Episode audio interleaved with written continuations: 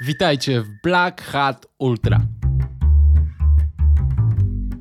musimy przede wszystkim przerzucić się z myślenia o tym, że wodę należy zatrzymywać na rzekach, w zbiornikach, na myślenie o tym, że wodę należy zatrzymywać w miejscu, gdzie ona spada. Jak najbardziej tą taką mikro, małą retencję po prostu tym się zajmować, bo jeśli woda jest już w rzece, to, to jest już generalnie za późno na to, żeby ją jakoś próbować zatrzymywać, bo ona już, już jest odpłynięta. 100 lat temu mieliśmy w Polsce wielkie bagna wszędzie i ogromny głód ziemi. Potrzebowaliśmy coraz to nowych terenów pod takie ekstensywne rolnictwo, które no, nie było zbyt wydajne.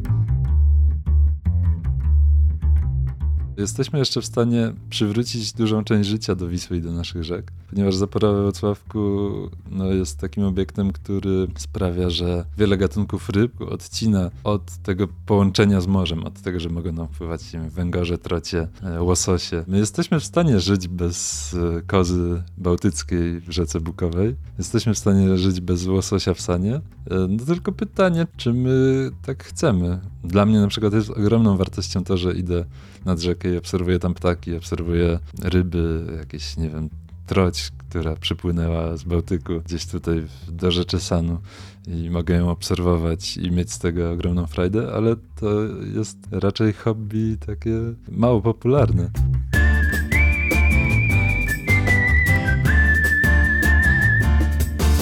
Większość ludzi nie zwraca zbytnio uwagi na rzeki. Raczej unikamy wartkiego nurtu, boimy się grząskiego dna pełnych węgorzy czy korzeni, gdzie mieszkają raki. Latem czasem spłyniemy sobie kajaczkiem 4 godzinki po rozpudzie Krutyni czy Czarnej Hańczy. Jesteśmy zadowoleni, gdy widzimy uregulowaną rzekę i wysokie wały. Czujemy się bezpiecznie, bo boimy się powodzi i pamiętamy dobrze ich skutki. To właśnie powodzie i susze zwracają naszą uwagę, że coś źle zarządzamy tą wodą. Podobnie szokują nas miliony białych brzuchów ryb pływających po powierzchni, jak to miało ostatnio miejsce na Odrze. Szukamy powodów, niestety często w złych miejscach. Traktujemy rzeki jak śmietnik. Nie podchodzimy poważnie do zmian klimatycznych i stosujemy gospodarkę hydrologiczną sprzed 50, a nawet 100 lat, która teraz po prostu nie działa. Zbudowaliśmy przez dziesięciolecia ogromną sieć rowów melioracyjnych, które kiedyś miały osuszyć bagniste pola, a którymi dzisiaj woda ucieka do rzeki i wylewa. Zapory i wysokie wały działają tylko do pewnego stopnia i nie mogą być traktowane jako długofalowe rozwiązanie problemu suszy czy powodzi. Budowa elektrowni wodnych nie ma najmniejszego sensu w naszym klimacie. Moc, którą jest w stanie wygenerować, jest zbyt niska, a koszty budowy i utrzymania tych elektrowni ogromne. Poza rowami melioracyjnymi mamy również absurdalny projekt zbudowania nowej zapory w Siarzewie, czy jeszcze bardziej absurdalny projekt budowy drogi wodnej E40. O tych wszystkich problemach polskich rzek i systemu hydrologicznego rozmawiam z Piotrem Bednarkiem, młodym hydrologiem, który prowadzi bardzo wartościowy kanał Wolne Rzeki i który bez emocji, które ja mam w sobie, opowie o tym, jak sytuacja z wodą w Polsce wygląda i że być może ryby w rzekach w ogóle nie są nam potrzebne. A skoro już o tym mowa, to nie musicie obawiać się węgorzy, bo ich w rzekach już nie ma. Posłuchajcie.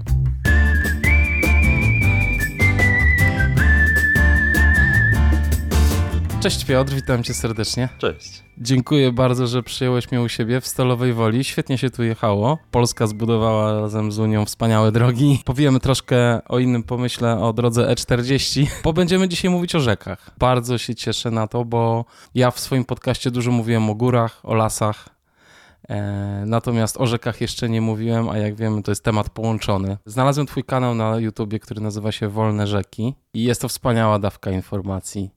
Także każdemu serdecznie polecam, żeby odwiedził e, Twój kanał, bo mm, e, no bardzo dużo się można dowiedzieć o rzekach, w ogóle o hydrologii, o projektach, jakie są prowadzone w Polsce, o tym, co jest złe, o tym, jak to można naprawić i też o życiu w rzekach, o rybach, o tamach, o zbiornikach retencyjnych i o tych wszystkich historiach, które są dla nas niezwykle ważne, no bo woda jest super istotna, jak wiadomo, i e, wszyscy prognozują, że to z wodą będą największe problemy w najbliższej przyszłości. E, rozgadałem się, a powiedz Piotrze coś o sobie. Jak ty wszedłeś w ten świat rzeczny, czy może ktoś z rodziny cię zaraził wcześniej, czy sam z siebie? Kiedy zacząłeś myśleć o rzekach poważnie? Tak, no nad San stąd jest 5 minut rowerem, więc faktycznie blisko. E, ale na pewno rzeki były w moim życiu od zawsze. I zanim jeszcze zacząłem jeździć rowerem, to już pływałem Kanadyjką po Tanwi. Mam takie zdjęcie, jak mam dwa lata, jestem właśnie w Kanadyjce na, na Tanwi, która też jest tutaj niedaleko, bardzo fajną rzeką. Ona wpada do Sanu? Wpada do Sanu, mm -hmm. tak, to jest prawy dopływ, w Ulanowie wpada. I to, więc rzeki były zawsze. Potem jakoś mając, nie wiem, 14-15 lat zacząłem się interesować przyrodą tak bardziej na poważnie, ptakami przede wszystkim. No i oczywiście podstawowym miejscem, gdzie mogłem iść obserwować czy fotografować ptaki, to też była Dolina Sanu. No, była najbliżej, było tam mnóstwo życia. Hmm, dużo więcej niż w otaczających sosnowych lasach, na przykład z drugiej strony miasta, Stalowej Woli, w której siedzimy. E, ale tak całkiem na poważnie to już zacząłem się rzekami zajmować na studiach. Studiowałem geografię na Uniwersytecie Gdańskim najpierw i na drugim roku na tych studiach był przedmiot o wdzięcznej nazwie hydrologia. E, I na tym przedmiocie podstawowym podręcznikiem był podręcznik Hydrologia Ogólna profesor Bajkiewicz-Grabowskiej, e, z którą zresztą miałem wtedy wykłady. Ja ten podręcznik pamiętam, że jakoś tak pochłonąłem, zanim jeszcze się zaczęły chyba tak na dobre te wykłady, bo po prostu mnie wciągnął jak dobra książka. E, I wtedy też zaczęło coś mi świtać, że dużo rzeczy, dużo działań, które się w mojej okolicy, którą znam chociażby, podejmuje w kwestii mm, rzek, w kwestii zarządzania wodą, jest wzajemnie wykluczających się, to po pierwsze, a po drugie jest z punktu widzenia jakichś naszych aktualnych potrzeb, czy już w ogóle potrzeb mm, ochrony przyrody, całkowicie złych. Y, że te działania są prowadzone y, albo nie tak, jak powinny być, albo zupełnie na odwrót. Y, no więc wtedy też zacząłem, chyba to było na drugim albo trzecim roku studiów, prowadzić e, stronę na Facebooku Wolne Rzeki. E, jakiś czas później założyliśmy stowarzyszenie o tej nazwie, chcąc chronić rzekę Smarkatą jako rezerwat przyrody. No i dalej to już jakieś takie social media trochę Aha. E, się powiększyły. Samo stowarzyszenie też troszkę działa już.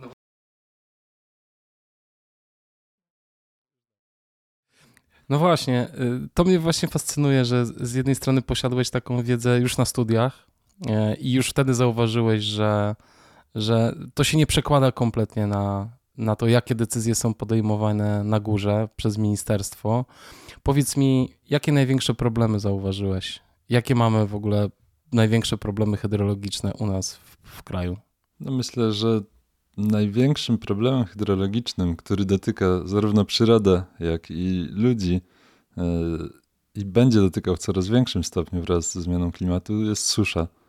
I ta susza teraz z perspektywy takiej śnieżnej, mokrej, zimnej zimy e, może się nam wydawać odległą perspektywą, ale jak e, zobaczymy, jak szybko ta woda nam odpływa i oczywiście to zależy znowu od pogody, od tego, jaka będzie wiosna, jakie będzie lato, ale może się okazać, że już pod koniec wiosny będziemy mieli do czynienia znowu z suszą i z super niskimi stanami wód w rzekach, mimo że teraz tej wody mamy bardzo dużo. Na przykład w Wielkopolsce, która jest mm, najbardziej narażoną, najbardziej narażonym miejscem w Polsce na suszę.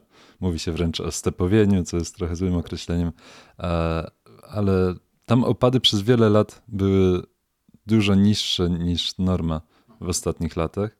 I mieliśmy do czynienia z suszą, która ciągnęła się nieprzerwanie przez ponad 10 lat. I w końcu ta jesień zima w Wielkopolsce są z normą, są powyżej normy opadów, powyżej tej takiej wieloletniej średniej. I potworzyły się rozlewiska i w ogóle woda stoi miejscami. Ale to też jest taki efekt chwilowy, efekt dobrej pogody, dobrych warunków e, w tym okresie, takim jesienno-zimowym teraz. Ale ta woda będzie znowu szybko spływać, ponieważ mamy w Polsce bardzo dużo rowów melioracyjnych. O tym się bardzo mało mówi, nie wiem z jakiego powodu, bo rowów melioracyjnych mamy dwa lub trzy razy więcej niż rzek, jeśli chodzi o ich długość. To jest ponad 400 tysięcy kilometrów prawdopodobnie. Tak, widziałem u ciebie mapę na YouTube, gdzie porównujesz e, mapę rzek i mapę rowów. To jest właściwie drugie tyle albo więcej. Tak, to jest nawet więcej, tyle że te dane też są niepełne, niestety. Różne bazy danych odnośnie wód w Polsce w ogóle są dość kiepskiej jakości, więc ja dlatego mówię, że prawdopodobnie ich jest powyżej 400 tysięcy, bo w tej bazie danych jest chyba 330 tysięcy kilometrów rowów, w tej, która akurat jest taka ogólnodostępna, ale jak się idzie w teren, to się okazuje, że rowów jest dużo więcej, tylko nie są w tej bazie zawarte. I na tych rowach nie ma zwykle żadnych urządzeń piętrzących wodę, czyli żadnych zastawek, e, żadnych jazów. To się w Polsce właśnie jakoś tak dziwnie składa, że e, administracja wodna chętnie buduje lub odbudowuje e, takie budowle hydrotechniczne na rzekach, a nie na rowach. Podczas gdy rzekom, to jest, przechodzimy trochę do drugiego z tych poważnych problemów, gdy rzekom takie budowle piętrzące bardzo szkodzą, zaburzają transport osadów w rzece, zaburzają możliwości migracji organizmów, różnych ryb, e, przez co rzeki no, ubożeją bardzo szybko i mocno, jeśli chodzi o życie. E, ryb jest coraz mniej, e, małży jest coraz mniej. No ale jakoś jakimś trafem E, Wody Polskie czy wcześniejsze, wcześniejsi zarządcy dużo chętniej stawiają nowe jazy, nowe jakieś progi na rzekach niż, e, niż te zastawki w rowach, co jest zaskakujące, bo takie zastawki są bardzo tanie, bardzo efektywnie można by dzięki nim mm, zarządzać wodą, trochę przeciwdziałać suszy. A dlaczego tak jest? Mają dotacje unijne na te budowle, czy... Ciężko powiedzieć. Ciężko powiedzieć. Znaczy, nie chciałbym generalizować, bo to może być jakieś krzywdzące, e, ale znam przypadki tutaj w okolicy, kiedy e, zostały odbudowane, wyremontowane, ale w takim stopniu, że praktycznie można mówić o odbudowie, budowle na rzekach, e, teoretycznie jazy, ale które po odbudowie zupełnie nie piętrzą wody, więc jest taki po prostu beton z dwóch stron rzeki żadnego progu i to zostaje odbudowane za na przykład 400 tysięcy złotych. A wcześniej to też było i dokładnie tak samo działało przed tym remontem, e, czyli wcale. E, za takie pieniądze można zrobić szereg zastawek na wielu rowach, więc to jest troszkę, takie mam wrażenie, po prostu zarabianie łatwe na publicznych pieniądzach. Mhm, rozumiem. Czyli ci wykonawcy takiego projektu, tak, yy, głównie zarabiają na tym Myślę, że to się tak kręci w dużej mierze. Ludzie mają pracę, no tak. E, jakieś lokalne firmy. Nikt tego nie kontroluje, nikogo to nie obchodzi tak naprawdę, czy na jakiejś rzeczce gdzieś tam daleko w głębi lasu, bo to często się dzieje gdzieś, gdzie ludzi w ogóle nie ma na co dzień. No właśnie, to też chyba nie jest trudne zdobyć pozwolenie na takie prace, prawda? Myślę, że jest, jest. trudne. To, mm, zwłaszcza na budowę nowych mhm. Tego typu budowli to trzeba przejść całą taką ścieżkę, trzeba uzyskać decyzję środowiskową. Nawet na takie małe jazy, o których powiedziałeś? Tak, Aha. na rzekach. Czyli ktoś na, na to pozwala tak. i e, ekologowie też na to pozwalają. E, no nie do końca, nie. Znaczy decyzja środowiskowa to jest e, taki papier wydawany przez urząd gminy na podstawie, jeśli na przykład RDOŚ stwierdzi, że trzeba zrobić ocenę oddziaływania na środowisko, to na podstawie takich dość obszernych mm, badań, inwentaryzacji przyrodniczych. Więc tutaj e, jakby organizacje ekologiczne nie mają zwykle dużo do gadania. Mogą się włączyć, jeśli wiedzą o jakimś takim procesie jako strona, ale to nie jest to chyba praktyka przy różnych inwestycjach, których jest mnóstwo, jakaś taka super częsta. I też nie są oficjalnie informowani, muszą tak, tak pewnie tak, tak, się dokopywać do tego. Tak, oczywiście. Mhm.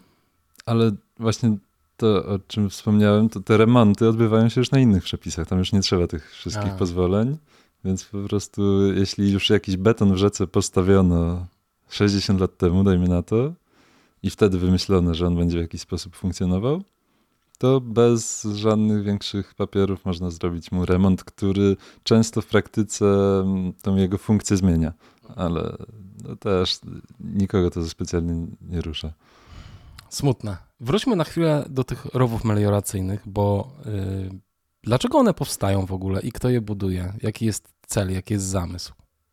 O tym bardzo fajnie pisał w książce Hydrozagadka Jan Mansfeld. w ostatnim roku została wydana, e, że w Polsce mamy, no w zasadzie mieliśmy, najbardziej to tak około 100 lat temu się zaczęła taka faza wielkiego osuszania kraju.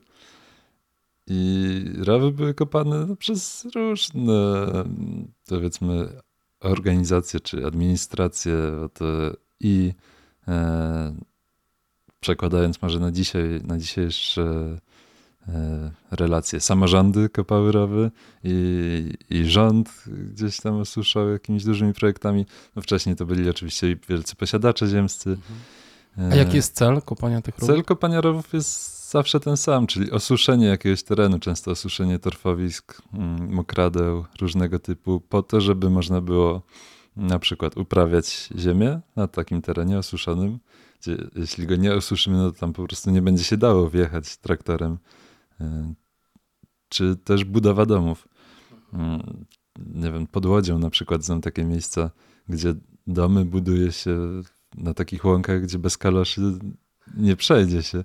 I naprawdę one tam są stawiane jeszcze przed y, zbudowaniem rowów nawet. Więc potrzeba kopania rowów e, oczywiście jest realna. W Polsce mieliśmy dawniej dużo, dużo, dużo więcej bagien. W Europie w ciągu ostatnich 300 lat osuszono ponad 90% mokradeł. Więc mm, to nie jest tak, że rowy są czymś z założenia złym i niepotrzebnym. Tylko, że no właśnie, 100 lat temu mieliśmy w Polsce wielkie bagna wszędzie i ogromny głód ziemi. E, potrzebowaliśmy coraz to nowych terenów pod takie ekstensywne rolnictwo, które no nie było zbyt wydajne, ale aktualnie to wygląda już trochę inaczej. Też różnie w różnych regionach Polski, no bo w Wielkopolsce mamy wielkie gospodarstwa po tysiące hektarów, e, gdzie nie ma miejsca na jakieś nieużytki czy zadrzewienia często. Tutaj na Podkarpaciu, w dawnej Małopolsce, w ogóle w dawnym zaborze austriackim przede wszystkim, to rozdrobnienie ziemi jest tak ogromne, że te paseczki gruntu bardzo często są właśnie nieużytkami, bo w obecnych warunkach nikomu nie, nie opłaca się ich e, uprawiać.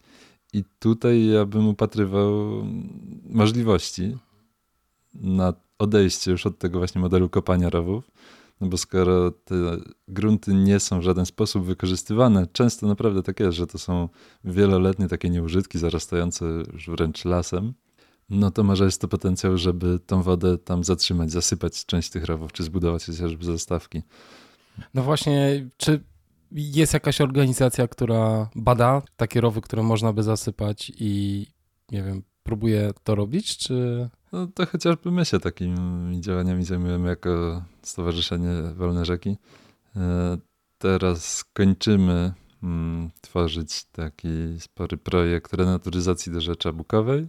To jest też prawy dopływ Sanu, e, rzeka, niewielka rzeka o średnim przepływie 3 metry sześcienne na sekundę, to jest niedużo. Wisła ma średni przepływ 1000 e, przy ujściu, więc niewielka rzeka.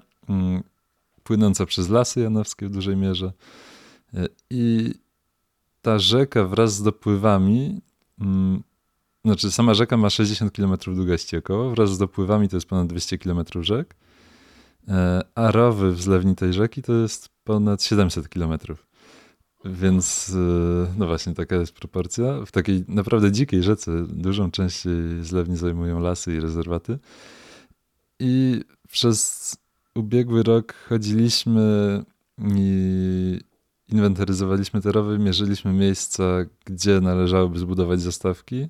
Przede wszystkim w rezerwatach przyrody, gdyż stwierdziliśmy, że tam konflikt interesów właśnie będzie najmniejszy. A jak się okazuje, w rezerwatach istniejących od 20-40 lat cały czas jest funkcjonująca sieć rowów osuszających torfowiska.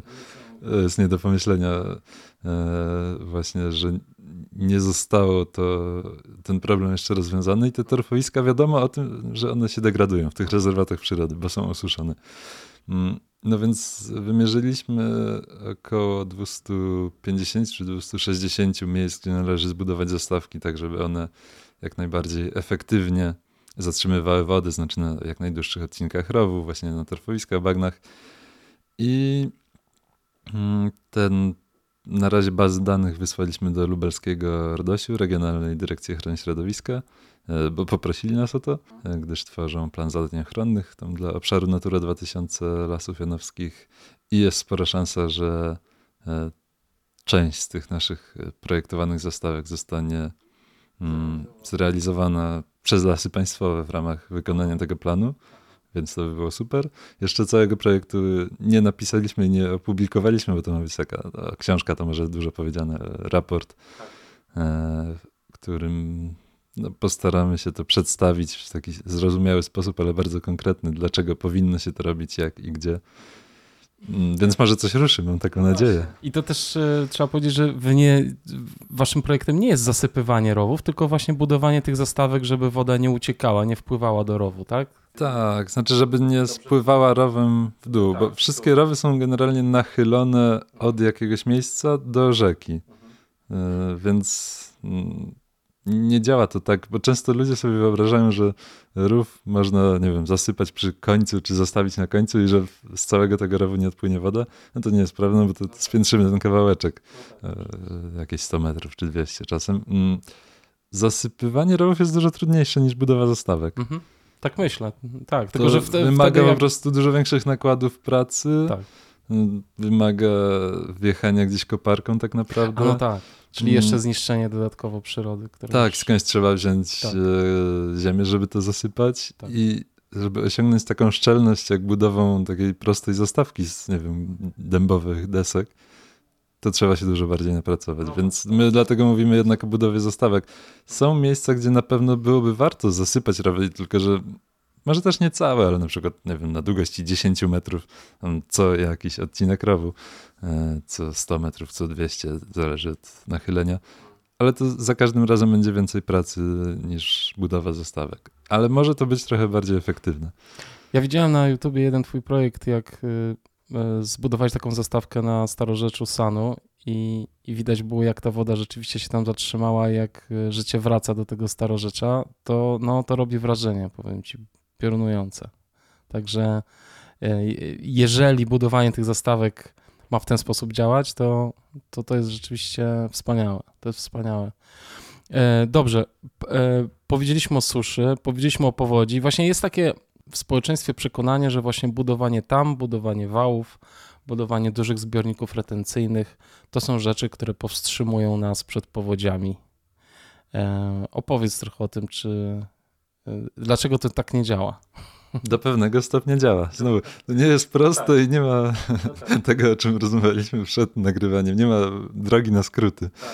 E, niektóre zbiorniki, na przykład mm, bardzo duże zbiorniki na małych rzekach, które nie są wypełnione wodą, tylko są, no, czekają, aż jakaś duża woda przyjdzie, czyli to się nazywa poldery albo suche zbiorniki e, retencyjne. One faktycznie, jeśli chodzi o zapobieganie powodziom, mogą działać wspaniale. Znaczy mogą przechwycić bardzo dużą część fali wezbraniowej w takiej niewielkiej rzece zrobienie czegoś takiego na dużej rzece jest dużo trudniejsze. Na przykład jeśli myślimy o zbiorniku, nie wiem, włocławskim na Dolnej Wiśle, no to on przy dużym wezbraniu jest w stanie przechwycić e, parę godzin przepływu maksymalnie. I tyle. Nie ma rezerwy powodziowej. E, to jest zbiornik przepływowy i tak samo projektowany projektowany zbiornik, który miał powstawać i dalej chyba jest w budżecie wpisany y, pracy nad nim Siarzewo, czyli znowu na Dolnej Wisle poniżej Wocławka. On też był zachwalany jako między innymi przeciwpowodziowy zbiornik, a on zupełnie już nie będzie miał żadnych właściwości przeciwpowodziowych. Wręcz przeciwnie, e, podobnie jak zbiornik włocławski, będzie problematyczny w zimie. Nie wiem, czy wiesz, ale zbiornik włocławski jest aktualnie na Wiśle jedynym miejscem, którym są problemy z e, powodziami zimowymi, w związku z tym, że tylko on zamarza. Tak. Tylko tam tworzy się kra na tyle gruba, żeby to było problematyczne. No tak, bo rzeka nie płynie. Tak. tak, dawniej oczywiście rzeki zamarzały często w całości. Po Sanie czy po Wiśle tutaj ludzie przejeżdżali traktorami. Ale mieliśmy inny klimat. Ale mieliśmy inny klimat i to sene wrati. E, prawdopodobnie. Znaczy, no właśnie, prawdopodobieństwo takich zim jest dużo mniejsze. W tym roku niby zima była ekstra, ale san nie zamarzł w ogóle. E, Przez dwa dni płynął śryż i tyle. Więc mm, ja jeszcze pamiętam, jak zaczynałem chodzić nad rzeki, właśnie mam takie zdjęcia z 2013 roku, no to 11 lat temu, e, kiedy san jest cały zamarznięty i kry miały grubość pół metra. Więc to wtedy robiło na mnie wrażenie, ale wtedy się nie spodziewałem, że to będzie ostatni raz, jak to widzę, przynajmniej tutaj u siebie. Niesamowite. No właśnie, wracając do powodzi. Mm, z wałami też sprawa nie jest e, taka prosta, bo z jednej strony wały oczywiście ograniczają rozlewanie się rzek i ograniczają to wylewanie przy większości wezbrań. E, woda rozlewa się jakoś tam wąsko między nimi. Tyle, że jak przychodzi wezbranie większe niż e, planowaliśmy przy budowie wałów, mm, no to ono jest w stanie przelać się przez wał. I zwłaszcza wały starszej konstrukcji, które nie były w dużej mierze betonowe, tak jak te nowe. Te nowe wały mają takie betonowe mury e, w środku, więc pewnie trochę trudniej jest wodzie je rozmyć.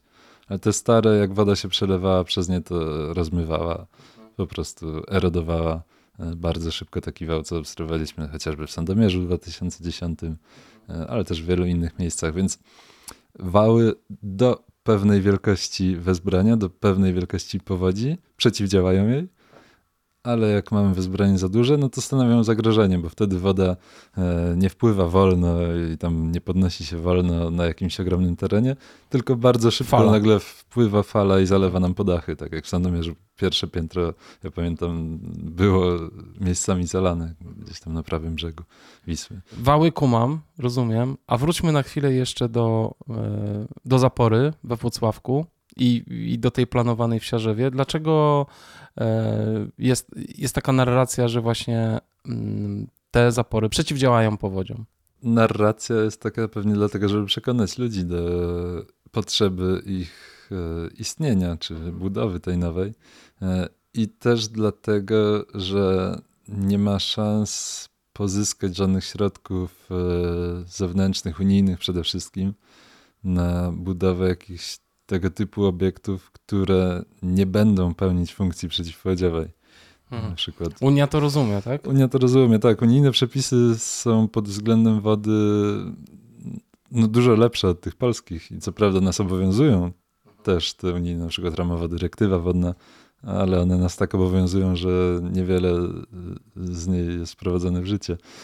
E, Więc ja myślę, że cały czas się próbuje tak podgrzewać ten temat, że to będzie takie dobre dla wszystkich, że tam przeciwdziałanie powodzi, przeciwdziałanie suszy, no bo będzie dużo wody, e, co też nie jest prawdą. Bo susza jest z drugiej strony, tak?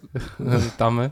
Tak, to to jedno, że poniżej e, takiej zapory zawsze poziom wód e, opada, bo rzeka eroduje, ale też z zapór nie ma żadnego systemu rozprowadzania tej wody. Nie ma żadnych kanałów irygacyjnych, które by nawadniały pola wodą zgromadzoną w takiej zaporze. E, No bo znowu to nie delta Nilu, tutaj mamy za duże nachylenia i to tak nie działa. Po drugie koszt budowy tego typu systemów byłby prawdopodobnie zbyt duży, żeby to mogło funkcjonować. E, No więc to, że się mówi o tych zaporach, że one będą takie dobre, to jest propaganda, to jest No nic tak. innego. Y, Propaganda, rozumiem, ludzi, którzy tam pracują na tej tamie, tak? Myślę, że bardziej wyżej nieco rządu czy mm, wód polskich e, aktualnie, No bo to są wielkie pieniądze. Zapora Siarzewo miała kosztować e, nie wiem, tam 8 lat temu, jak e, wrócono do tego pomysłu po 50 latach, e, to miała kosztować 2 miliardy złotych. Obecnie mówi się o 7,5 po kilku latach. A wiadomo, że realny koszt budowy zapór na świecie jest średnio dwukrotnie wyższy niż w planach, bo właśnie nigdy nie wiadomo, ile betonu na to pójdzie. E, To jest ogrom, ogromne pole do korupcji. Mm, No, takie wielkie budowy e, zawsze dają to pole, ale zapory są pod tym względem wyjątkowe, bo właśnie to jest taka trochę niewiadoma, co w tej rzece się stanie. Tak, no i, i też po tym, żeby rozebrać taką tamę, tak jak no bo Siarzewo chcą postawić dlatego, żeby rozebrać Włocławek między innymi, Mm, Nie, właśnie, Nie? żeby nie rozbierać żeby Wrocławka. nie rozbierać, żeby go odciążyć jakoś, tak? Tak, teoretycznie Aha. tak. No ale y, mówi się o tym, że tam w tym Włocławku jest tyle zanieczyszczeń w ogóle, tam gdzieś pod tamą się zgromadziło, że to w ogóle no, prędzej czy później coś trzeba będzie z tym zrobić. To jaki jest plan na to? Mm, tak naprawdę nie ma jakichś takich e, bardzo rzetelnych badań, które by mm, przedstawiały, jak dużo jest tych zanieczyszczeń. Są oczywiście badania, które punktowo gdzieś tam pokazują, ile było w danym momencie e, rtęci, ołowiu, jakichś metali innych ciężkich, e, bo to głównie z nimi jest problem w osadach zbiornika Wocławskiego. Ale nikt chyba, przynajmniej do publicznej wiadomości się nie przedostało, żeby e, ktoś pokusił się o takie oszacowanie, ile faktycznie e, tego tam jest i co można z tym zrobić, ale troszkę ten temat wydaje mi się, mm, że jest jednak przesadzony, ponieważ w zbiorniku wrocławskim przez cały okres jego funkcjonowania e, zostaje tylko jedna piąta tych osadów, które Wisła prowadzi. E, one zasypują ten zbiornik, on się wypłyca od e, górnej jego części, bo osady piaski gdzieś tam zostają mm, w górnej części zbiornika, już dalej woda wytraca energię, płynie wolniej, e, więc tam przenosi tylko drobniejsze części, jakieś muły. I to się faktycznie w zbiorniku odkłada, ale 4 piąte tego niesionego materiału przepływa dalej. Więc to nie jest tak, że w zbiorniku łocławskim się osadziło wszystko, co przez lata płynęło i teraz e, to wszystko nagle się wydostanie niżej. Ale faktycznie jest to problem. Tyle, że z tym problemem kiedyś trzeba sobie będzie poradzić. No Zapory nie są wieczne. Mogą istnieć bardzo długo. Są w Polsce ponad stuletnie zapory. I na świecie też. No, tyle, że to się wiąże oczywiście z kosztami utrzymania rosnącymi wraz z wiekiem takiej budowli. No i jak dla mnie to się też wiąże z tym, że jeszcze rozbierając zaporę we Wrocławku w mądry sposób, rzetelnie zaprojektowany, mm, nie taki na hura, że wysadzamy zaporę i zobaczymy co będzie, tylko naprawdę zrobione najpierw poważne badania, e, a później planowo rozbierane, to jesteśmy jeszcze w stanie mm, przywrócić dużą część życia do Wisły i do naszych rzek ponieważ zapora we Wrocławku no, jest takim obiektem, który sprawia, że wiele gatunków ryb chociażby nie może wpłynąć do większości do rzecza Wisły. Zapora we Wrocławku odcina, jakby tak patrząc od dołu, e, odcina 90% e, długości rzek w zlewni Wisły od tego połączenia z morzem, od tego, że mogą nam wpływać węgorze, trocie, no e, łososie. Właśnie to dowiedziałem się od ciebie, że w, że w Wiśle były łososie jakiś czas temu jeszcze. Tak, łososie były rybą pospolicie poławianą w Wiśle i jeszcze w latach 50. pospolicie też jedzono w Polsce łososie z Wisły. Węgorze też mówiłeś, że jest z nimi bardzo słabo w tej chwili. Węgorz to jest krytycznie zagrożony, węgorz europejski to jest krytycznie zagrożony w skali świata już gatunek. Też między innymi przez zapory, przez przełowienie. E, tak, bo to jest w ogóle e, powodzie i susze to jest jeden temat, ale wymierające życie w rzekach to jest drugi temat. I to jest trochę tak, że tak naprawdę szary człowiek, który funkcjonuje, chodzi do pracy, e, do szkoły i wraca do domu, nie zdaje sobie kompletnie z tego sprawy, bo z kilku powodów. Po pierwsze, ryba leży w sklepie i może ją sobie zawsze kupić. Po drugie, tego nie widać. Przecież to jest pod wodą, jakby tego nie widać. To jest ten sam problem, co z oceanami. Znaczy, w ogóle człowiek jakoś ma tendencję i chętnie inwestuje ogromne pieniądze w podbój kosmosu, ale żeby y, zajrzeć w głąb oceanów, to jest trudniej. E, lubimy tam wrzucić śmieci, ale żeby zbadać oceany, zobaczyć, co tam jest, e, jak one się czują w ogóle, te oceany, to z tym jest dużo, dużo trudniej. I podobnie z rzekami. No nie, wiesz, no jedziesz przez rzekę i niby wszystko wydaje się ok, ale ta rzeka tak naprawdę jest zupełnie inna niż 30-40 lat temu, a pod tą taflą wody tego życia jest dużo mniej. To jest cholera przygnębiające. Strasznie. Tak. A no. jak jest z ptakami? No, z ptakami. Jest podobnie? To jest. E, ptaki widać. ptaki widać. To jest tak. duża różnica to... i duże ułatwienie. I ptaki w politykach jakiejś ochrony przyrody mają miejsce wręcz uprzywilejowane. E, jest cała przecież dyrektywa ptasia Unii Europejskiej, nie ma dyrektywy rybiej. E, to jest kwestia tego, że ptaki są popularne dużo bardziej. No właśnie dzięki temu, że są wszędzie i łatwo je można zobaczyć. No tak. Zrobić zdjęcie. Tak, no u mnie tutaj za oknem, ja od wielu lat obserwuję ptaki też. Lornetka, no teraz leży na półce, ale czasem na parapecie. No nie da się ryb w ten sposób obserwować. No nie da się, ale rozumiem, że y, świat ryb i ptaków też nadrzecznych też jest połączony w jakiś sposób, prawda? Jest, tyle że ptaki mm, mają w większości dużo mniejsze wymagania, znaczy dużo mniej zawężone wymagania. E, ptaki potrafią latać, więc nie jest łatwo im przerwać jakąś trasę migracji. One sobie ominą e, jakieś miejsce faktycznie. Czy polecą gdzieś kawałek dalej znajdą jakieś siedlisko. Oczywiście nie zawsze się tak dzieje, ale generalnie z ptakami nad rzekami raczej mm, nie ma takiego dużego problemu. A czy jakieś gatunki są gatunki, które wymierają. Tak? Oczywiście tak? na przykład w Polsce bardzo ciężką sytuację ma mewa siwa. E, dawniej zwana mewą pospolitą. To jest ptak gniazdujący na piaszczystych łachach. Mm, właśnie w korycie Wisły przede wszystkim. I jej wymieranie łączy się po trochu z regulacją Wisły, bo oczywiście przed regulacją takich łach, wysp było więcej, koryto Wisły było szersze, ale też z tym, że jest więcej drapieżników, chociażby inwazyjna norka, czy też teraz się to nazywa wizon amerykański. Mm, więcej jest lisów, przez to, że zrzuca się szczepionki przeciwko wściekliźnie i przy niskich stanach wody te drapieżniki spokojnie sobie na te wyspy wpływają, czy też wchodzą. Większa jest presja ludzi, po prostu motorówki, czasem po Wiśle gdzieś tam ludzie na te łachy z namiotami, kajakarze wchodzą, więc te ptaki no, mogą sobie nie radzić i, i ich populacje spadają, ale zdecydowanie większy problem mają ryby, mm, bo tak jak powiedziałeś, nie widać ich i dopiero przy takiej katastrofie jak w Odrze e, okazuje się, że są rzece ryby i że one... I że właśnie kilka milionów pływa brzuchem do góry. Tak, ale duża część wymierania zachodzi właśnie tak, że go nie widać, bo niezależnie od tego, czy te ryby są, czy ich tam nie ma, to my tego nie zauważamy. Chyba, że ktoś akurat z wędkarzem, e, to wtedy pewnie zauważa. Chociaż też tylko część gatunków, jak sądzę.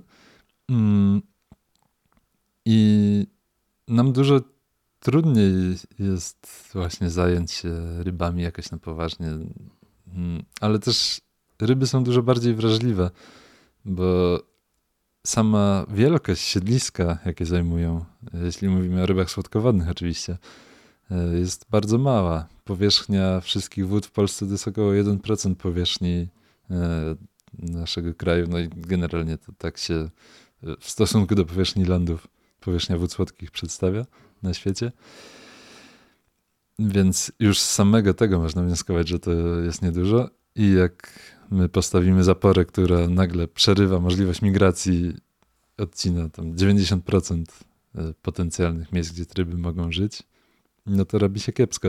E, Oczywiście to nie jest tak, że wszystkie ryby potrzebują migrować dolną Wisłą z morza e, w górę rzek. Są gatunki, które są bardziej stacjonarne, są gatunki, które sobie migrują w obrębie jednej rzeki, ale też nie tylko Włocławek mamy. Mamy około 75 tysięcy różnego rodzaju sztucznych barier w rzekach w Polsce. Mm, więc ten problem jest duży. Ryb też nie widać dlatego, że rzeki nie są przejrzyste. I one nie są przejrzyste często dlatego, że są zanieczyszczone. E, to też może być nieoczywiste. Dla mnie to było takie odkrycie. W zasadzie nie tak dawne. Jakieś przyjmowałem to, że w rzece nic nie widać za taki pewnik i za coś zupełnie normalnego. Bo tak jest w Polsce po Bo prostu. tak jest. Po czym okazuje się, że są rzeki, e, które są przejrzyste. Oczywiście to w części wynika z e, uwarunkowań geologicznych, e, z tego w jakich skałach one mają źródło, po czym płyną, czy płyną przez bagna, czy przez jakieś tereny piaszczyste, ale za dużą część tego, że nie widzimy, co się dzieje w rzece, odpowiada to, że rzeki są odbiornikiem ścieków, często ścieków nieoczyszczonych albo oczyszczonych słabo, to jest też ogromny problem mm, polskiej gospodarki wodnej, że e, niedofinansowane jest, e, niedofinansowane jest oczyszczanie ścieków, mm, zwłaszcza w mniejszych miejscowościach e, albo w tych turystycznych, które bardzo nierównomierną ilość ścieków w ciągu roku produkują. Mm, no i przez to rzeki są takie, a nie inne. Mhm. To w takim razie po co nam te ryby w ogóle? Może jesteśmy w stanie być, żyć bez tych ryb? Ja myślę, że jesteśmy. To... Niestety. Niestety. Tak. No tak, ale wpływa to na ogólną mm, bioróżnorodność. E, wymiera, gatunki wymierają. Jeden gatunek ma wpływ na drugi, i to nie jest tak, że to będzie bez żadnego zupełnie wpływu na całą resztę, prawda? Teoretycznie tak, tylko że nie będzie tak, że wszystkie ryby nam wymrą. E, nie wiem, jakaś płeć i kleń pewnie to są gatunki, które mają bardzo szeroki zakres tolerancji na różne e, czynniki. One pewnie będą. I to nie jest tak, że nagle e, będzie taki zero-jedynkowy, że ryby były i ryb nie ma. No ten proces, tak jak mówię, on zachodzi i na przykład jeśli chodzi o ryby takie migrujące na długie dystanse, to w Europie przez ostatnie pół wieku ich populacje spadły o ponad 90%. Więc to jest dramatyczny spadek i jeśli ten trend się nie zatrzyma, no to populacje ryb wędrownych w Europie, wielu gatunków po prostu wymrą. I ja myślę, że tego nie odczujemy jako ludzie. Możemy tego zupełnie nie odczuć w żaden sposób. E, był taki wywiad z profesorem Januarym Weinerem, ekologiem z Uniwersytetu Jagiellońskiego, który miał chyba tytuł Ochrona przyrody to e, ochrona wartości, czy coś w tym stylu, że nie ma tak naprawdę takiego właśnie naukowego e, czy jakiegoś bardzo utylitarnego mm, uzasadnienia dla e, ochrony przyrody. My jesteśmy w stanie żyć bez e, kozy bałtyckiej w rzece Bukowej. Jesteśmy w stanie żyć bez łososia w sanie. E, no tylko pytanie, czy, mm, czy my tak chcemy. Mi się na przykład to nie podoba i mm, to jest właśnie ta kwestia już co, do czego przykładamy wartość. Chyba po prostu, bo dla mnie na przykład jest ogromną wartością to, że idę nad rzekę i obserwuję tam ptaki, obserwuję tam ryby, jakieś, nie wiem, troć, która przypłynęła z Bałtyku e, gdzieś tutaj do rzeczy Sanu i mogę ją obserwować i mieć z tego ogromną frajdę, ale to jest raczej hobby takie mało popularne. A to nie jest tak, że te ryby to jest to jest po prostu taki papierek lakmusowy tego, że po prostu cały system nie działa dobrze. No bo okej, okay, możemy żyć bez ryb, powiedzmy, ale, mm, ale z tą suszą to już jest problem, bo mamy rolnictwo, które zależy Oczywiście. od tego. E, a czy to nie jest tak, że gdybyśmy naprawili, powiedzmy, zaczęli iść w kierunku poprawienia sytuacji, jeśli chodzi o suszę i powodzie, to wtedy te ryby by wróciły też do rzek? Byłoby ich więcej? W pewnej mierze tak. Znaczy, czy byłoby ich więcej, to ciężko powiedzieć, bo kontekstem, w którym żyjemy, jest niestety ta zmiana klimatu, która jest zatrważająco szybka. Jak się spojrzy na raporty, na jakieś prace naukowe, my naprawdę, nie patrząc na to, co mówią naukowcy, żyjemy w takim bardzo wygodnym i miłym świecie. E, jak zajrzymy do tego, co nauka mówi aktualnie, tych artykułów oczywiście jest bardzo dużo i często są bardzo specjalistyczne odnośnie zmiany klimatu, to można się przerazić. Więc mm, to, czy jeśli my naprawimy coś tutaj, nie wiem, sprawimy, że woda będzie wolniej spływała, zostawimy część rowów, e, rozbierzemy część wałów, tam gdzie jest to możliwe, lub odsuniemy je od koryta, że woda będzie się mogła tam wylać, tak jak dawniej bywało. To pytanie, czy to jeszcze ma szansę przywrócić nam mm, jakieś populacje ryb czy innych organizmów, czy utrzymać ten poziom słaby, który jest teraz. Nie dopuścić do tego, żeby on spadał. Mm, Ciężko wyczuć. Ciężko wyczuć. Znaczy, są działania na przykład rozbieranie zapór. Niekoniecznie takie wielkie jak we Wrocławku. E, często wystarczy rozebrać, nie wiem, metrowej wysokości próg, żeby do rzeki nagle mogły wrócić ryby, które tam nie mogły wpłynąć po prostu przez 100 lat. E, I takie rzeczy się dzieją, i to też jest e, naukowo obserwowane monitorowane w wielu miejscach, że odbudowują się populacje ryb. Więc, więc to nie jest wszystko, nie jest aż tak w tak czarnych barwach. Tylko, że to muszą być bardzo precyzyjnie wymierzone działania. Mm, I niekoniecznie to zadziała tak, że my robiąc tam jedno, na przykład gdzieś tam zastawki budując na rowach, co sprawi, że po latach e, paru, kiedy zapasy wód e, gruntowych się uzupełnią i do rzeki będzie dopływało troszkę więcej wody w tam najsuchszych okresach, to sprawi, że utrzymamy jakąś sytuację. To nie sprawi samo w sobie, że ryb będzie więcej, no ale jeśli do tego dołożymy właśnie mm, jakieś rozbiórki barier, czy chociażby ich przebudowę, e, i będą to takie obiekty mądrze wybrane, bo ich jest tak dużo, że musielibyśmy, e, nie wiem, jakbyśmy rozbierali jedną barierę dziennie w skali Polski, no to potrzebujemy 70 tysięcy dni, żeby rozebrać wszystkie. Więc pracy jest dużo, a nie rozbiera się jeszcze żadnych. Prawie nierealne. Mm. A powiedz, y, jak jest w skali europejskiej i światowej, jeśli chodzi o rozwiązywanie tych problemów z suszą i powodzią? Bo rozumiem, że mówią o Polsce, ale to nie dotyczy tylko Polski. Bardzo różnie, ale to bardzo różne są też uwarunkowania. E, no bo w Polsce faktycznie mieliśmy mnóstwo bagien i tym problemem są rowy w dużej mierze, ale na przykład w Hiszpanii nie ma takich możliwości. Hiszpania teraz tej zimy, która jest u nas super zimna i mokra, tam y, woda jest w wielu miejscach aktualnie. Mm, Ach, uciekło mi to słowo. Y, są ograniczenia w dostarczaniu jej mieszkańcom wprowadzone, ponieważ jej zasoby są tak małe. I tam nie ma już prostych rozwiązań. U nas jeszcze są rowy. E, a tam nie ma też tak, że tam zbudują jeszcze więcej zapór i ta woda będzie, ponieważ w zbiornikach zaporowych też tam poziom wód jest drastycznie niski, a jeszcze one sprawiają, że woda dość intensywnie odparowuje.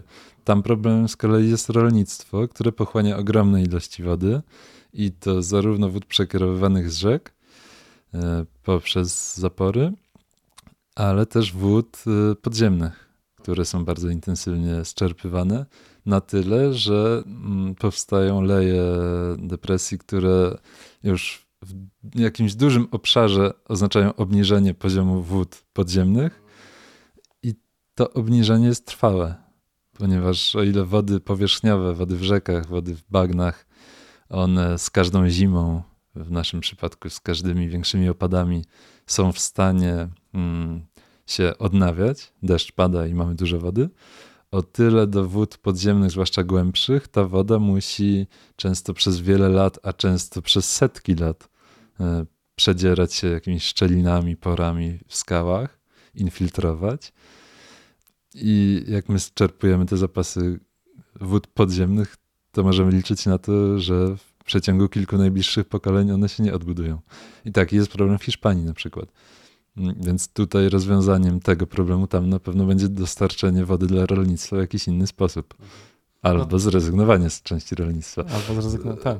Nie ma, nie ma wzorca jakiegoś takiego tak. bardzo uniwersalnego. Tak, no bo wszystko zależy od tych y, sytuacji geologicznych, prawda? I od Geolo klimatycznych. Od klimatycznych, tak. Tak, niesamowite to jest. Każdy kraj musi, czy też każdy rejon musi sobie radzić jakoś w inny sposób. Myślę, że tak. Oczywiście są pewne wzorce, które się powtarzają. Mm, na przykład y, w dolinie y, Mississippi ogromnym problemem są wały przeciwpowodziowe zbudowane za blisko rzeki. No i tam od wielu lat już są projekty odsuwania wałów i faktycznie wielkie powierzchnie się oddaje y, rzece Mississippi, ogromnej rzece, pod zalewanie podczas wezbrań po to, żeby powodzie nie były tak e, niszczycielskie. No więc to jest coś, co jest punktem wspólnym. z drugiej strony ostatnio y, rozmawiałem w podcaście z Kamilą Kieler, nie wiem czy kojarzysz taką podróżniczkę fajną, która właśnie opowiadała o Rio Grande, które nie dopływa już od wielu lat do Zatoki Kalifornijskiej, gdzieś tam wysycha po drodze, a kiedyś to była wielka, wspaniała rzeka, także no myślę tak, że w samych Stanach to jest, e, w zależności od tego, gdzie spojrzysz, to masz inne warunki i inne sytuacje. Tak, no, ale jak już jesteśmy przy Stanach, no. to właśnie trwa tam wyczekiwany, wywalczony, a nie wyczekiwany tak naprawdę e, przez wiele lat przez e, różnych aktywistów, organizacje pozarządowe, no, rdzenne, rdzennych ludność proces rozbiórki czterech zapór na rzece Klamat. Gdzie to jest? Na zachodnim wybrzeżu, ale dokładnie Chyba ci nie jestem w stanie dokładnie określić. Okay. Jakieś stany nigdy mnie aż tak nie zajmowały.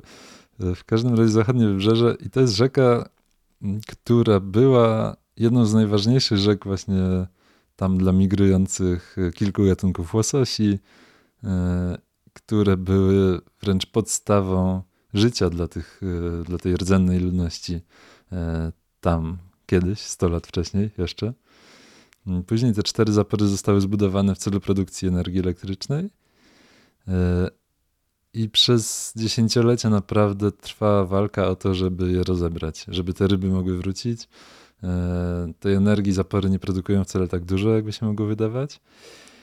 E, I mm, w Stanach to się dzieje tak, że jak policzy się, że koszty utrzymania takiej budowli, koszty jakieś też już coraz częściej środowiskowe związane z jej funkcjonowaniem e, są wyższe niż zyski, no to mm, taką budowlę się przeznacza do rozbiórki. I w zeszłym roku ruszył proces rozbiórki tych czterech zapór. Ja to obserwuję w miarę na bieżąco. E, najwyższa z nich ma tam chyba 140 metrów wysokości, więc to nie są już takie jakieś małe budowle. Nie są też, znaczy one są wysokie. Jedna jest, e, nazywa się zresztą e, Żelazna Brama. Na Dunaju też jest o tej nazwie zapora, ale no właśnie to nie jest duża rzeka, więc to nie jest ta skala, co byłaby, jeśli byśmy chcieli rozebrać zaporę we Wrocławku, ponieważ po prostu przepływ tej rzeki jest wielokrotnie mniejszy od Wisły. E, na przykład. A, aczkolwiek jest to i tak teraz największy projekt rozbiórki zapór. Mm, w Stanach się rozbiera różnego rodzaju e, tych mniejszych też tam, nie wiem, metrowych, dwumetrowych obiektów. E, około 120 rocznie przez ostatnie 30 lat. Mm, w Europie już też do tego, do tej skali dobiliśmy, no ale mhm. jako cała Europa. No właśnie fajnie, że powiedziałeś też o elektrowniach wodnych, bo to też jest y, temat, który chyba warto, y, o którym warto powiedzieć, że taki argument za stawianiem zapór w Polsce jest między innymi to, że a, bo my będziemy mieć też elektrownię obok. I, I, właśnie to jest to, co powiedziałeś, że te elektrownie wcale nie generują tak dużo prądu, jakby nam się wydawało, a e, wpływ na środowisko mają, mają ogromny. Tak jak czytałem jakieś wyliczenia, że tak, ta, że ta elektrownia w Siarzewie ma mieć, czy we Włocławku, y, nie pamiętam, która z nich, ale ma mieć tam 80 kW na godzinę, nie wiem, czy ja dobrze 80 jednostkę. 80 MW mocy. 80 MW mocy, czyli to jest około 40 wiatraków, tak, postawionych gdzieś na polach, które Okej, okay, może nie są zbyt, może mogą się ludziom nie podobać, ale, ale zapewne koszty postawienia tych wiatraków, a przede wszystkim wpływ na środowisko jest dużo mniejsze i łatwo też rozebrać, naprawić niż taką zaporę na rzece. Tak, tak, tak. Zapora istniejąca we Włocławku, największa tak. elektrownia wodna w Polsce o największej mocy, ma moc zainstalowaną 160 MW, e, a ta w Sierzewie, tak jak mówisz, miała mieć 80. E, I to jest taka liczba, myślę, że abstrakcyjna, jak się z czymś nie porówna. Mm, możemy ją porównać na przykład z, nie wiem, mocą e, fotowoltaiki.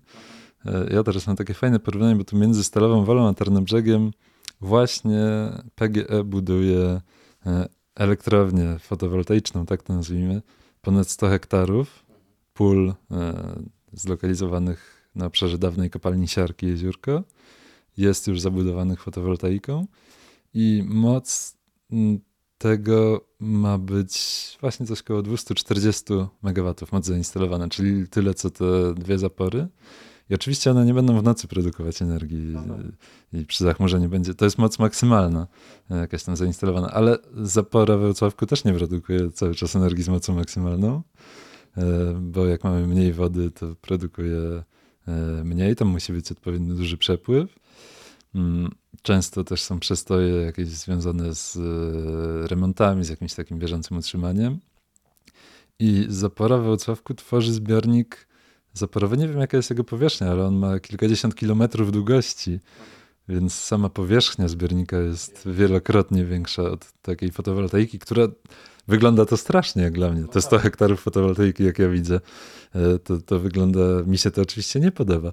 E, ale jeśli sobie to porównam ze zbiornikiem, który wpływa na 80 mm, tysięcy kilometrów rzek, bo taki jest realny wpływ zapory we Wrocławku, no to sorry, winę tu.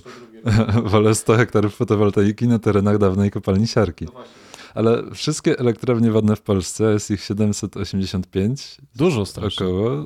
Mogę się tam mylić, ale takie dużo. pamiętam dane. Tak, dużo. No i ile by się obstawiał, że produkują procentowo? Jezu, nie wiem, pewnie 2%. Przesadziłeś. Przesadziłem. Przesadziłeś. Półtora. Niesamowite. I ta ilość produkowanej energii w elektrowniach wodnych w Polsce spada. Mhm. No, powoli, bo co, powoli, ale spada. Czy? Przede wszystkim, bo jest mniej wody. I mniej wody, oczywiście. Mm, duża część, zwłaszcza te małe elektrownie wodne, one funkcjonują na małych rzekach, które w ostatnich latach po prostu wysychają. Mm, naprawdę górne biegi małych rzek i to nie jakichś takich mm, nieznany. Górny bieg Czarnej Hańczy w tym roku był wyschnięty na odcinku kilku kilometrów. To jest taka dość rzeka, no, myślę, że znana wszystkim. Spływałem ją no jako dziecko kilka razy. E, więc produkcja energii elektrycznej w e, elektrowniach wodnych na polskich rzekach będzie spadać. Absolutnie. I budowa hydroelektrowni jest e, w przeliczeniu na ich moc droższa niż budowa atomu. Oczywiście jest dużo prostsza, ale absolutnie nieopłacalna. E, więc w ogóle nie powinniśmy w ogóle się zajmować w Polsce energetyką wodną. Oczywiście znowu, tutaj mamy e, uwarunkowania lokalne, bo na przykład Norwegia produkuje ponad 90% swojej energii z zapór, tyle że Norwegia to są góry, mnóstwo wody, opady w Norwegii są dwukrotnie większe niż u nas, więc tej wody jest dużo i y, bardzo mała populacja. Tak, w sensie, Norwegia nie potrzebuje Oczywiście. tyle energii co Polska, Oczywiście. a ma nieporównywalnie lepsze warunki do produkcji jej w elektrowniach wodnych. Więc w Norwegii jest możliwe być może zachowanie jakiegoś takiego balansu między mm, zniszczeniem rzek przez zapory, a produkcją e, energii. Oczywiście tam też tak samo zapory przegradzają rzeki i nie mają pozytywnych wpływów na środowisko, tyle że skala jest właśnie inna. Dużo zapór buduje się w celu produkcji energii na Bałkanach na przykład. W Unii Europejskiej już jest to praktycznie niemożliwe ze względu na e, przepisy środowiskowe coraz bardziej mm, takie ścisłe. E, oczywiście buduje się jeszcze, ale to są pojedyncze raczej projekty. Ale na przykład na Bałkanach, które są zaraz obok, więc są wspaniałym rynkiem dla wielu europejskich firm, e, projektowana jest budowa ponad 3000 zapór na rzekach. A te rzeki tam często są niezwykle bogate, jeśli chodzi o życie i są świetnie zachowane. Więc tam budowa każdej zapory to jest ogromna katastrofa ekologiczna a cały czas się to jeszcze dzieje. Koszmarno. E, ciężko to objąć wszystko głową. E, chcia, chciałem, żebyś jeszcze opowiedział e, jedną rzecz na temat betonowania brzegów rzek, bo z tego, co się dowiedziałem, popraw mnie, jeśli się mylę, że rzeki oczyszczają się przez tę roślinność, przez te wszystkie zatoczki, które są gdzieś po boku rzeki i jeśli my to niszczymy, betonując brzegi rzeki, to wtedy rzeka nie ma szansy się oczyścić w naturalny sposób. To jest dobrze myślę, czy? Znaczy, do, do pewnego stopnia dobrze. E, znaczy, betonowanie brzegów rzek jest taką rzeczą raczej bardzo lokalną. W sensie, no nie wiem, mamy wybetonowany lewy brzeg Wisły w Warszawie na odcinku paru kilometrów. Mm, mamy wybetonowane oba brzegi Wisły w Krakowie. E, no ale generalnie poza tym Wisła, to nie wiem ile to procent będzie wybetonowanego no tak, brzegu ma... Wisły, niewiele. Wisła nie, ale różne małe ale... rzeczki takie gdzieś w miejsc, przechodzące przez mm -hmm. miejscowości, które nagle się zaczynają mm -hmm. zmieniać po prostu, wiesz, w, w ścieki. Tak, znaczy to jest oczywiście problem, bo na takim betonie, tak jak mówisz, nic nie wyrośnie. E, woda tam przyspiesza, e, co też jest niekorzystne z punktu widzenia ochrony przeciwpowodziowej, znowu poniżej takiego wybetonowanego miejsca. Nie ma tam siedlisk dla żadnych organizmów, więc faktycznie mm, rzeki tracą w ten sposób i zdolności do samooczyszczania. Mm, woda w rzece się samooczyszcza na kilka sposobów. E, na przykład bardzo dużą część tego samooczyszczenia zapewniają organizmy bentosowe, czyli żyjące w dnie, e, żyjące e, gdzieś właśnie w tym piasku czy żwirze. Często są to glony, bakterie, których w ogóle nie widać gołym okiem. No więc między tymi ziarnami żwiru czy piasku e, tych różnych organizmów może być bardzo dużo. Na betonie, który będzie równy i płaski, no to tylko taka powłoczka na tej jednej powierzchni, więc oczywiście to ogranicza w ogromnym stopniu. Mm, chociażby oczyszczenie rzek. Jak wpuszczamy e, zanieczyszczoną wodę do betonowego kanału, to ona się nie oczyści. Jak puścimy tą samą wodę do naturalnej rzeki, to po paru kilometrach ta rzeka będzie wyglądała na czystą. E, I oczywiście wszystkie takie mikrosiedliska e, typu właśnie powalone pnie, jakieś rośliny w wodzie, e, jakieś piaszczyste łachy czy żwirowe, jakieś odsypiska, to wszystko wpływa na to, że rzeka może się oczyszczać i na to, że w tej rzece może być jakieś życie. No Więc tak, betonowanie koryt, betonowanie brzegów. Ogólnie. To jest taki przypadek już skrajny. skrajny. Na, szczęście, na szczęście dość lokalny, ale oczywiście są rzeki. Może betonowanie, betonowanie to się często tak pojawia jako już takie wręcz, o, nie betonujmy rzek, na co fani tam żeglugi śródlądowej odpowiadają, że nie betonujemy rzek, my tylko e, regulujemy rzeki i, i pokazują obrazki jakiejś odry, która faktycznie nie jest wybetonowana na dużym odcinku, ale jest no, dwu, trzykrotnie zawężona. E, nie ma jakichś bardzo ładnych meandrów, nie ma właśnie w tym korycie żadnych e, śródkorytowych takich wysp, łach, mm, więc ona nie jest wybetonowana, to fakt, ale jest uregulowana jest... I, i, jej możliwości samooczyszczenia czy różnorodność siedliskowa jest dużo mniejsza od dzikiej rzeki. No właśnie, a propos tej regulacji, przypomina mi się jeszcze ten projekt E40, o którym na początku wspomniałem. To jest jak, jakiś, e, jakiś koszmar. E, opowiedz, jaki to jest, e, czyj to jest plan i na czym on polega? Czyli to jest plan? To jest. Nie wiem, czy jestem w stanie odpowiedzieć na to pytanie. Okay. Znaczy, E40 to jest oznaczenie międzynarodowej drogi wodnej śródlądowej, e, jakiejś w europejskiej sieci dróg śródlądowych. Mm, I to miałaby być droga wodna. Właśnie cokolwiek to znaczy, bo to po prostu miałby być system przekształconych w kanały rzek i wybudowanych obok rzek kanałów łączący, no tak naprawdę biegnący przez e, Wisłę aż w okolice ujścia Bugu, czy nawet wyżej. Więc cała Dolna Wisła w ramach tej drogi wodnej miałaby się stać kaskadą bodajże 11 zbiorników zaporowych. Później kanałem gdzieś tam do Bugu, do Prypeci miałoby to iść przez Białoruś przez e, strefę czarnobylską. Miał być przekopany też kanał, bo Prypiać jest przepiękną, meandrującą rzeką. E, niewielką swoją drogą. E, I do Dniepru. No i tam do Morza Czarnego Dnieprem. I co, po co, przez żeby... Białoruś, przez Ukrainę. No tak, żeby przewozić towary, tak? I... Tak, zamysł jest taki, żeby transportować barkami Aha. towary. Rozumiem, to wszystko powoduje, że właśnie trzeba uregulować te rzeki i pogłębić w dodatku, bo Wisła jest przecież płytka. Tak, to jest w ogóle taki zamysł ja nie wiem, kto wpada na taki pomysł, bo ludziom się wydaje, że skoro, nie wiem, po Amazonce pływają statki, to i po Wiśle też powinny, tylko nie zauważają, że Amazonka 4000 km od oceanu, gdzieś tam Wikitos ma 25 metrów głębokości naturalnie, a Wisła 4000 e, km od oceanu jest w formie chmury, gdzieś tam nad Uralem, e, ale e, no właśnie, Wisła ma w Warszawie dwa metry głębokości, jak dobrze pójdzie. E, więc skala jest zupełnie nieporównywalna. Ren, który jest e, taką rzeką bardzo intensywnie użytkowaną jako rzeka żeglowna, e, ma sześciokrotnie większe przepływy od Wisły i już w Bazylei, w Szwajcarii, czyli bardzo daleko od ujścia, ponad tysiąc kilometrów, ma taki przepływ jak Wisła przy ujściu. Mhm. Więc to już trochę pokazuje, że y, mówienie o drodze wodnej na Wiśle dla takich dużych barek o dużym zanurzeniu y, jest nieco przesadzone. I pamiętajmy o tym, że taki REN został uregulowany dawno temu. Y, I wtedy, w XIX wieku, XVIII-XIX, mm, to było ekonomicznie bardzo uzasadnione, bo nie było jeszcze takiej sieci dróg E, dla transportu kołowego, nie było dróg e, kolei, no nie było jeszcze po prostu tych środków transportu.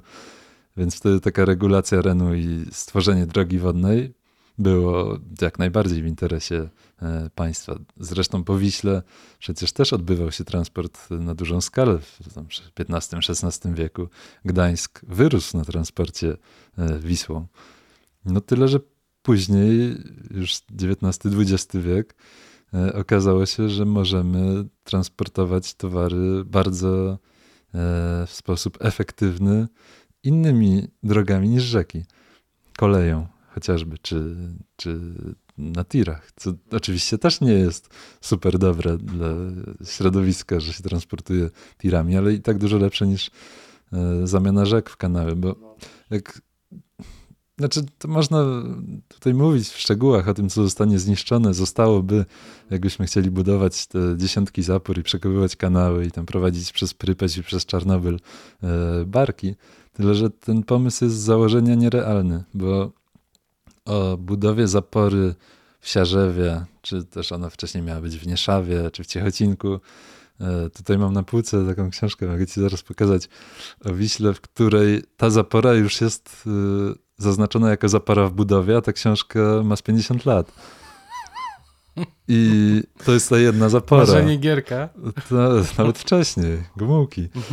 I to jest ta jedna zapora, mhm. ale gdzie 11 zapór tylko na Wiśle, plus nowy kanał gdzieś tam do Bugów, do Prypeci, przez Białoruś, która aktualnie w ogóle planowanie jakichś wspólnych z Białorusią e, przedsięwzięć jest ciekawe, planowanie na Ukrainie czegokolwiek jest ciekawe, e, zwłaszcza, że tam też podczas tej wojny nastąpił jeden, chyba największy na świecie zresztą, dam removal, e, wysadzenie zapory, ogromnej zapory w Nowej Kachowce oczywiście w sposób bardzo środowiskowo nieprzemyślany, no ale jakby nie patrzeć, zapory już nie ma. I myślenie o tym, że my jesteśmy w stanie w ogóle zbudować taką drogę wodną, jest abstrakcją. Jak dla mnie jest całkowitą abstrakcją, bo ile lat to zajmie? Tak, 300? I... Czy za 300 lat nie będziemy mieli lepszego środku transportu nie, niż no, barka z tak, pchaczem? Tak, tak, to jest w ogóle absurdalnie to brzmi wszystko.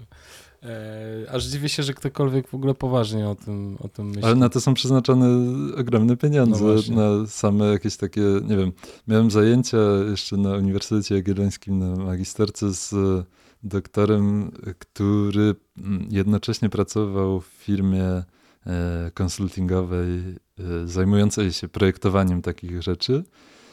I oni tam przez dwa lata tworzyli e, dla tej drogi wodnej E40 model hydrauliczny tego, jak woda płynie w Wiśle przy różnych stanach wody.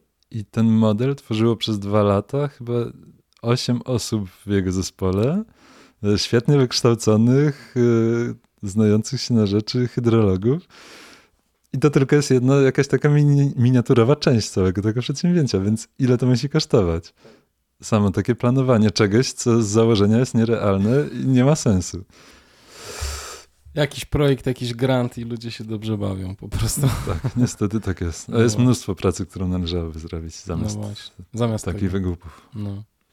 E, Piotr, jeszcze chciałbym mm, podsumować, bo powiedzieliśmy o tym, e, ty wspomniałeś kilkukrotnie, jakie mogą być rozwiązania, ale chciałem mm, to jeszcze powiedzieć tak na czysto. Powiedzieliśmy o rowach, powiedzieliśmy o zaporach, o zbiornikach retencyjnych przy dużych rzekach, które nie działają, po owałach. Z Twojego punktu widzenia, co moglibyśmy zrobić, żeby tę wodę zatrzymać, żeby woda nam nie uciekała i żeby tej wody też nam nie przybywało, i żeby powodzie nas nie męczyły? Rozwiązanie jest naprawdę w obu tych przypadkach takie samo, mhm. czyli zająć się tymi rowami melioracyjnymi, To jest jedna rzecz, budować zastawki na rowach, których mamy w Polsce bardzo dużo i nie ma na nich zwykle żadnych zastawek. Woda szybko tymi rowami e, po prostu ucieka, bez sensu, często. Więc tam, gdzie to możliwe, tam, gdzie nie zalejemy w ten sposób pól rolnikowi, tam, gdzie nie zalejemy w ten sposób osiedli, należy e, budować zastawki na rowach, bardzo dużo. Mm, należy odsuwać wały od koryt rzek, tam, gdzie to możliwe, znowu, tam, gdzie to jeszcze możliwe. Więc doliny rzek za wałami są bardzo szybko zabudowywane. E, ale są takie miejsca, gdzie można wały odsunąć, co daje przestrzeń dla rozlania się wody, co działa przeciwpowodziowo i znowu uzupełnia nam trochę zapasy wód podziemnych, jak ta woda się rozleje na szerszym terenie i tam chwilę postoi. Mm, w miastach, o czym w ogóle nie mówiliśmy, należy pozbywać się terenów uszczelnionych, albo przynajmniej, czyli zabetonowanych znowu parkingów, wielkich placów, E, w ich miejsce jakąś zieleń najlepiej. Znaczy to, to, też jest ciężkie do wprowadzenia, żeby parkingi likwidować, ale chociażby jakieś takie duże rynki czy duże powierzchnie dachowe, z nich woda musi być gdzieś e, gromadzona najlepiej jak najbliżej miejsca, gdzie spada i to już wymuszają przepisy na szczęście od paru lat. Mm.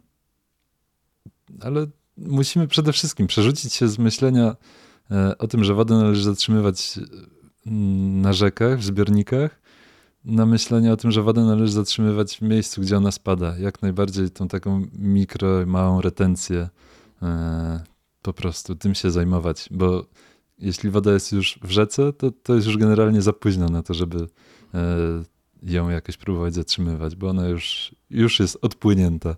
Że tak no powiem. właśnie, i to też e, trzeba powiedzieć o tym, że nowoczesne rolnictwo, zarówno e, właśnie zarówno nowoczesne rolnictwo, jak i zarządzanie lasami też nie sprzyja zatrzymywaniu tej wody w glebie, prawda? Ona też bardzo szybko ucieka z gór, tymi, z e, tymi drogami po wycinkach na przykład, tak? Tak, bardzo drogami zrywkowymi. Z drogami zrywkowymi. E, w, na polach na polach jest podobnie, że, że ta woda, y, że jest tak, tak bardzo dużo chemii używamy do produkcji roślinności, zbóż, że, że ta woda po prostu nie ma się gdzie zatrzymywać i też ucieka. No, chemia to już też inny temat, ale. No tak. No to jest wszystko jakby połączone, nie? Tak. Tyle, że rolnicy też już sami z siebie myślę, że jako pierwsi odczuwają chociażby suszę Mm, nie wiem, czy widziałeś taki jeden z moich filmów z te, tamtego roku, z, nagrywany w Wielkopolsce e, u Patryka Kochacińskiego, który ma tam gospodarstwo, chyba 140 hektarów, hoduje krowy, e, prowadzi takie bardzo intensywne gospodarstwo rolnicze, ma tam ponad 100 krów. I postawił e, własną tam zastawkę. I stawia sobie na rowach tak. zastawki, wiele tak. zastawek, bo on mówi, że on ma najlepsze nawozy, ma super nowoczesny sprzęt do uprawy tej ziemi i jedyne, co ogranicza jego produkcję rolną, to brak wody. I to jest, myślę, że perspektywa wielu rolników, tylko jeszcze nie uświadomiona być może.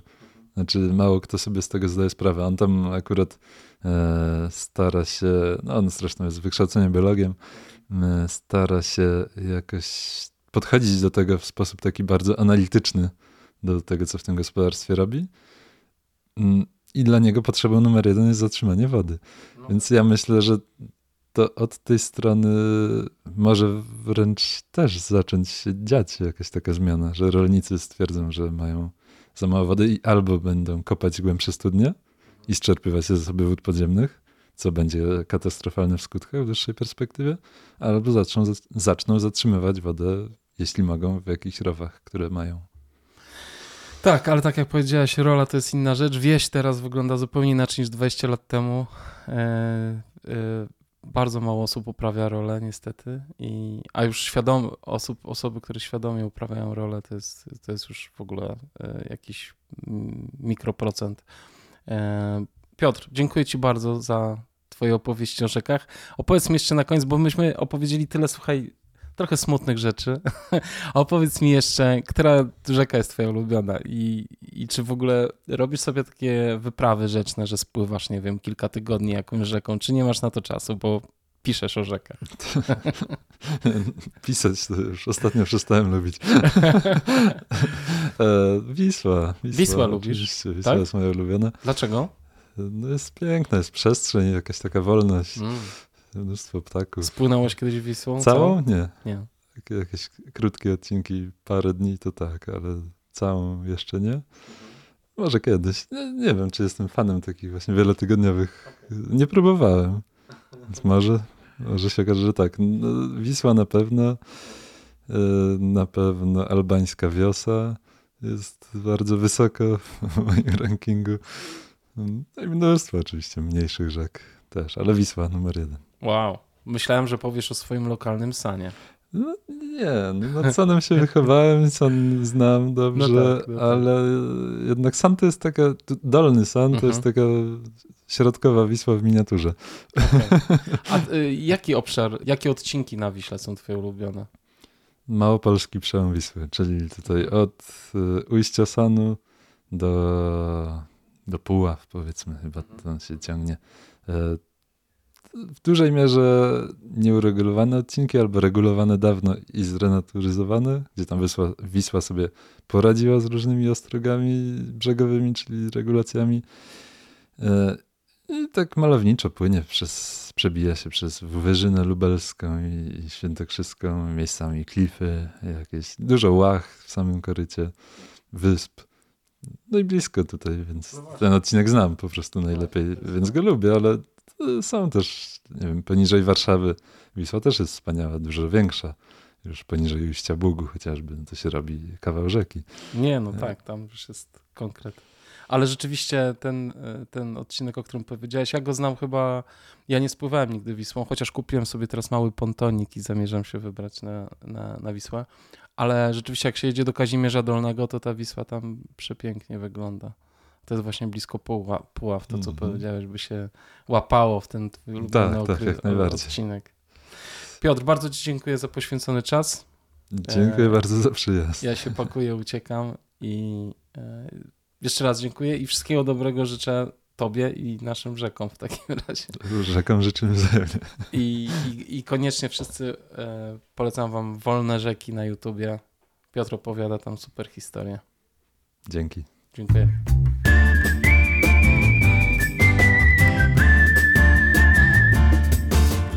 Na koniec bardzo chciałem Was namówić do zapoznania się z kanałem Piotra Bednarka pod tytułem Wolne Rzeki, do przeczytania wywiadu z Januarym Weinerem, gdzie poznacie różnicę między ekologią i ekologizmem, oraz do przeczytania dwóch książek Hydrozagadka i Życie na naszej planecie.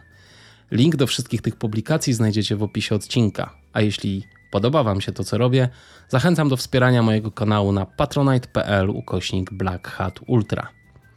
Na koniec chciałem Wam opowiedzieć, jak ja mam związek z rzekami, bo pomimo tego, że urodziłem się w Warszawie, to do 25 roku życia sporą część spędziłem właśnie na rzekach. Jako dziecko spływałem kilkukrotnie czarną hańczą z moją rodziną i przyjaciółmi. Między 10 a 21 rokiem życia byłem zaangażowany w tworzenie wodnej drużyny harcerskiej, a trasę z Warszawy na Mazury i z powrotem Narwią i Pisą pokonałem wielokrotnie. Zapach rzeki to zapach mojej młodości i gdy pomyślę, że tylko za mojego życia można zauważyć zmiany w tym ekosystemie, to jestem najnormalniej w świecie smutny. I jakoś nie potrafię przejść obok tego obojętnie. Ekologiem nie jestem, ale ekologistą na pewno.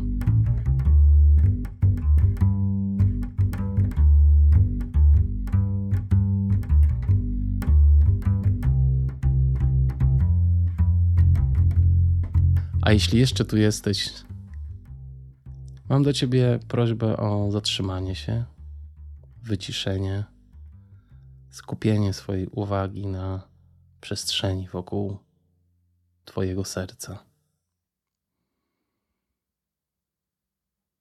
Zrób spokojnie kilka oddechów.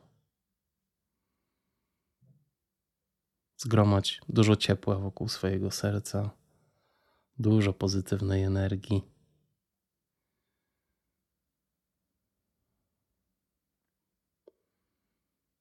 I wyślij tę energię do wszystkich organizmów żywych, nawet do ludzi, żeby im się dobrze działo. Buźka.